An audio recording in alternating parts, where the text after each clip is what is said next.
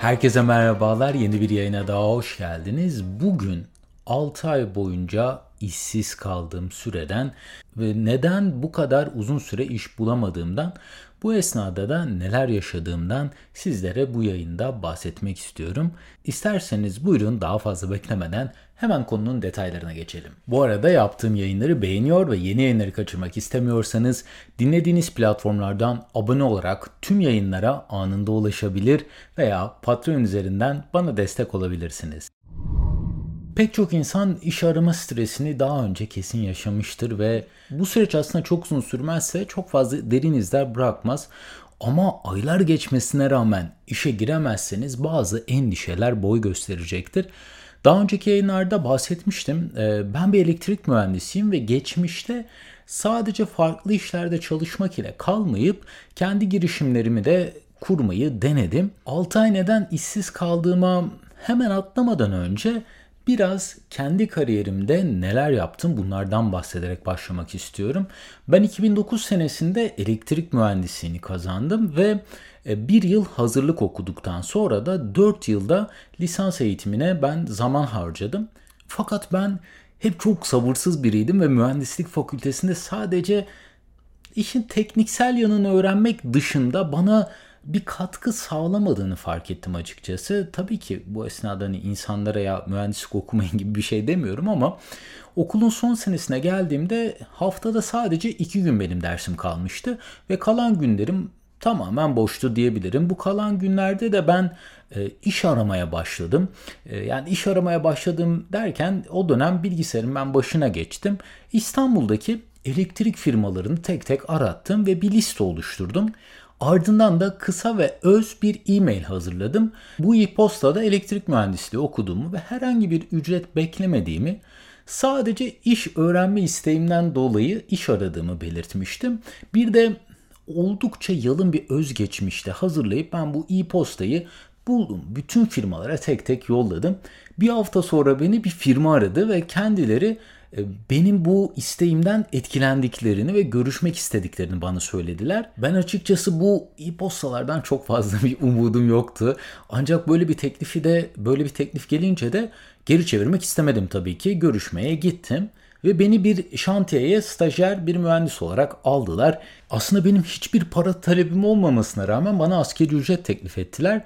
Ya keza bütün bu bütün firmalar aslında bence bu şekilde ilerlemeli. Çünkü stajyerlik deyince artık nedense herkesin aklına parasız çalışan insan tanımı geliyor. Halbuki stajyer iken dahi sabahtan akşama kadar şantiyede çalışmak, güneşin altında yanmak, yağmurda ıslanmak ve soğukta üşümek bile çok ağır bir bedel şahsen. Yani ben bunu tecrübeledim ve ben üniversite yakın olması açısından o dönemler avcılarda ikamet ediyordum. Ve bu şantiye Beşiktaş'ın göbeğindeydi. Hayatımda ilk defa 5 koca senenin ardından beyaz bereti hak etmiştim. Ve stajyerde olsam artık mühendistim ne olursa olsun yani sağ mühendisliğinden de ilerleyen zaman zamanlarda şantiye şefliğine yüksel, yükseldim. Çalışma hayatına yeni atıldığım için o dönemler benim için gerçekten çok güzeldi. Ancak bir yandan da şantiyede çalışmak çok zor bir işti. Mezuniyetin ardından da bir yıl daha bu şekilde çalıştım ve çalıştığım firma firmaya yeni bir iş geldi. O iş içinde bir şantiye şefine ihtiyaçları vardı. Benim için aslında erken denebilirdi. Erken bir adım olabilirdi bu. Fakat hali hazırda ellerinde başka biri de olmadığı için ben şantiye şefine terfi ettim. İki yıl kadar şantiye şefi olarak bir projede çalıştım. Konumunuz yükselince sahip olduğunuz sorumluluklar da doğru orantıda artıyor tabii ki. Ve bu iki yıl benim için oldukça zorlayıcıydı.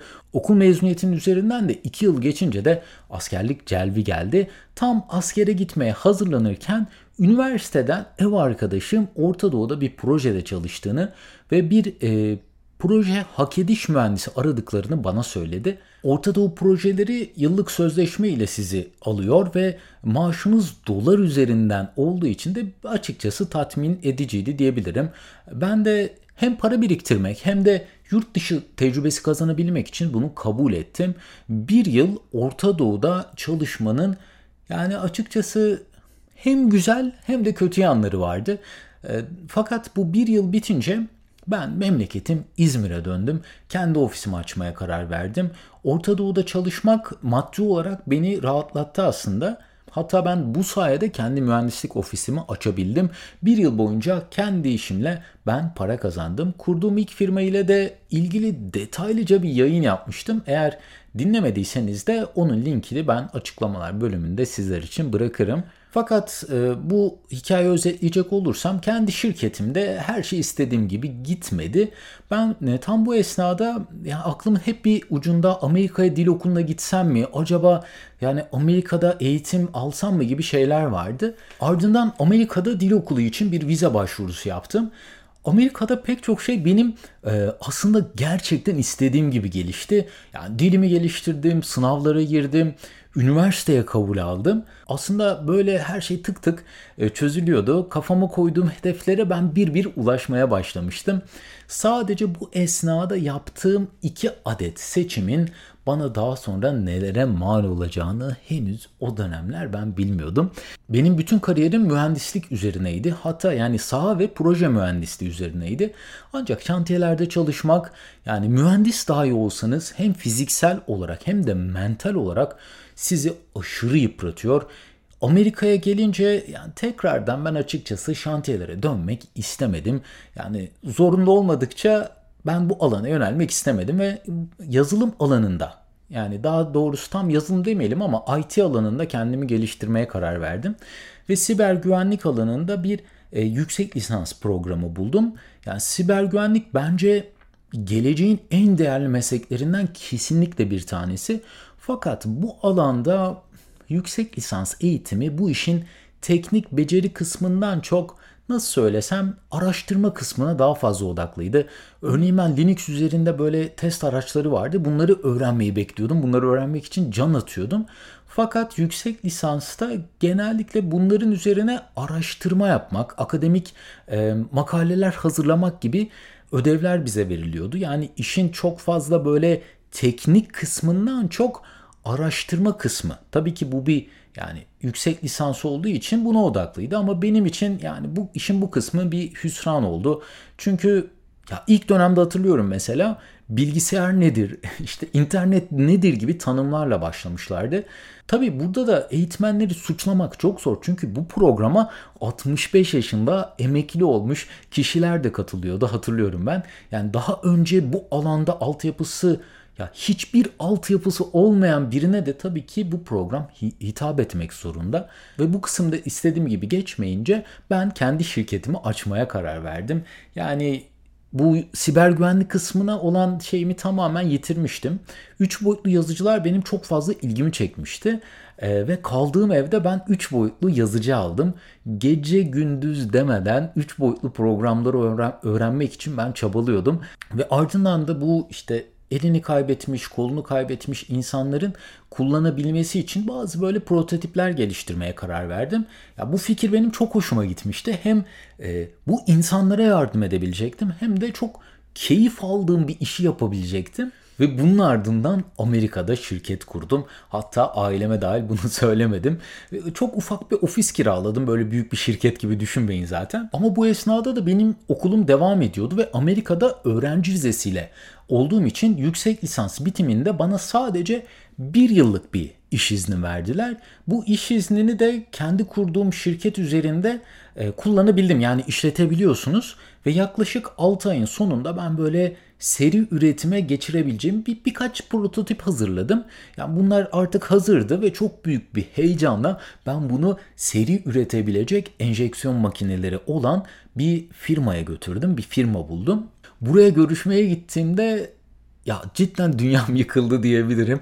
Ben 3 boyutlu yazıcıda böyle çok kompleks tasarımlar yapmıştım. Yani 3 e, boyutlu yazıcıda her şeyi tasarlayabiliyorsunuz fakat endüstriyel enjeksiyon makinelerinde yani çoğunlukla iki boyutta hareket ettikleri için böyle çok kompleks tasarımlar hani yapılamaz değil ama yapan cihazlar var.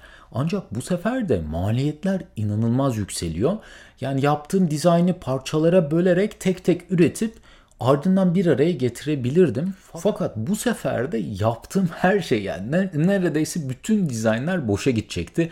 Yani sıfırdan başlamam gerekecekti. O akşam ben çok büyük bir karamsarlıkla eve döndüm. Odamda da e, hatırlıyorum odanın bir köşesinde 3 boyutlu yazı çalışmaya daha devam ediyordu. Yani tüm bunlar yetmezmiş gibi iş iznim sadece 6 ay kalmıştı. Yani ben artık bir sonraki adımı tahmin edemiyordum. Göçmenlik avukatından en iyisi bir yardım alayım dedim. Yani ben o döneme kadar yani işin göçmenlik kısmı çok fazla kafa yormamıştım. Çok fazla araştırmamıştım. Çünkü bu işe odaklanıyordum. İşte nasıl üretebilirim, nasıl hızlı bir şekilde bunu seri üretime geçirebilirim gibi. Ama işin bir de göçmenlik yanı var tabii ki. Avukatla görüşünce diğer başka bir şok daha geçirdim. Kendi kurduğum firma ile kendime sponsor olamıyordum Amerika'da. Yani bu ancak e, nasıl söyleyeyim belirli sayıda kişiyi istihdam ederseniz, yüksek meblalar kazanırsanız ve bunu kanıtlarsanız böyle şeyler mümkün olabiliyor.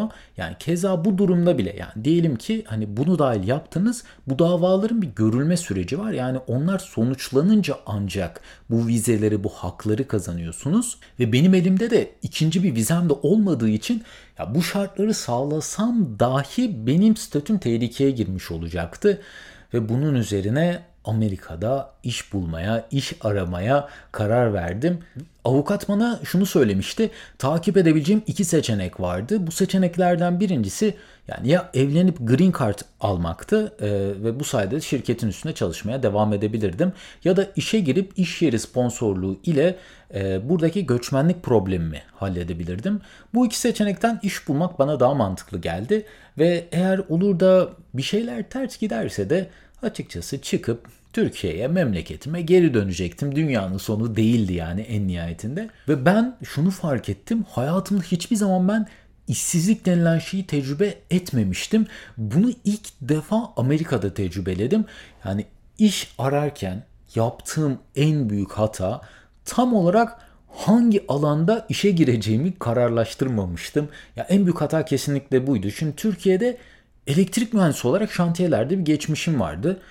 Fakat kendime şunu diyordum ya ben şantiyelere geri dönmek istemiyorum. Yani çünkü çok zorlu bunun farkındayım.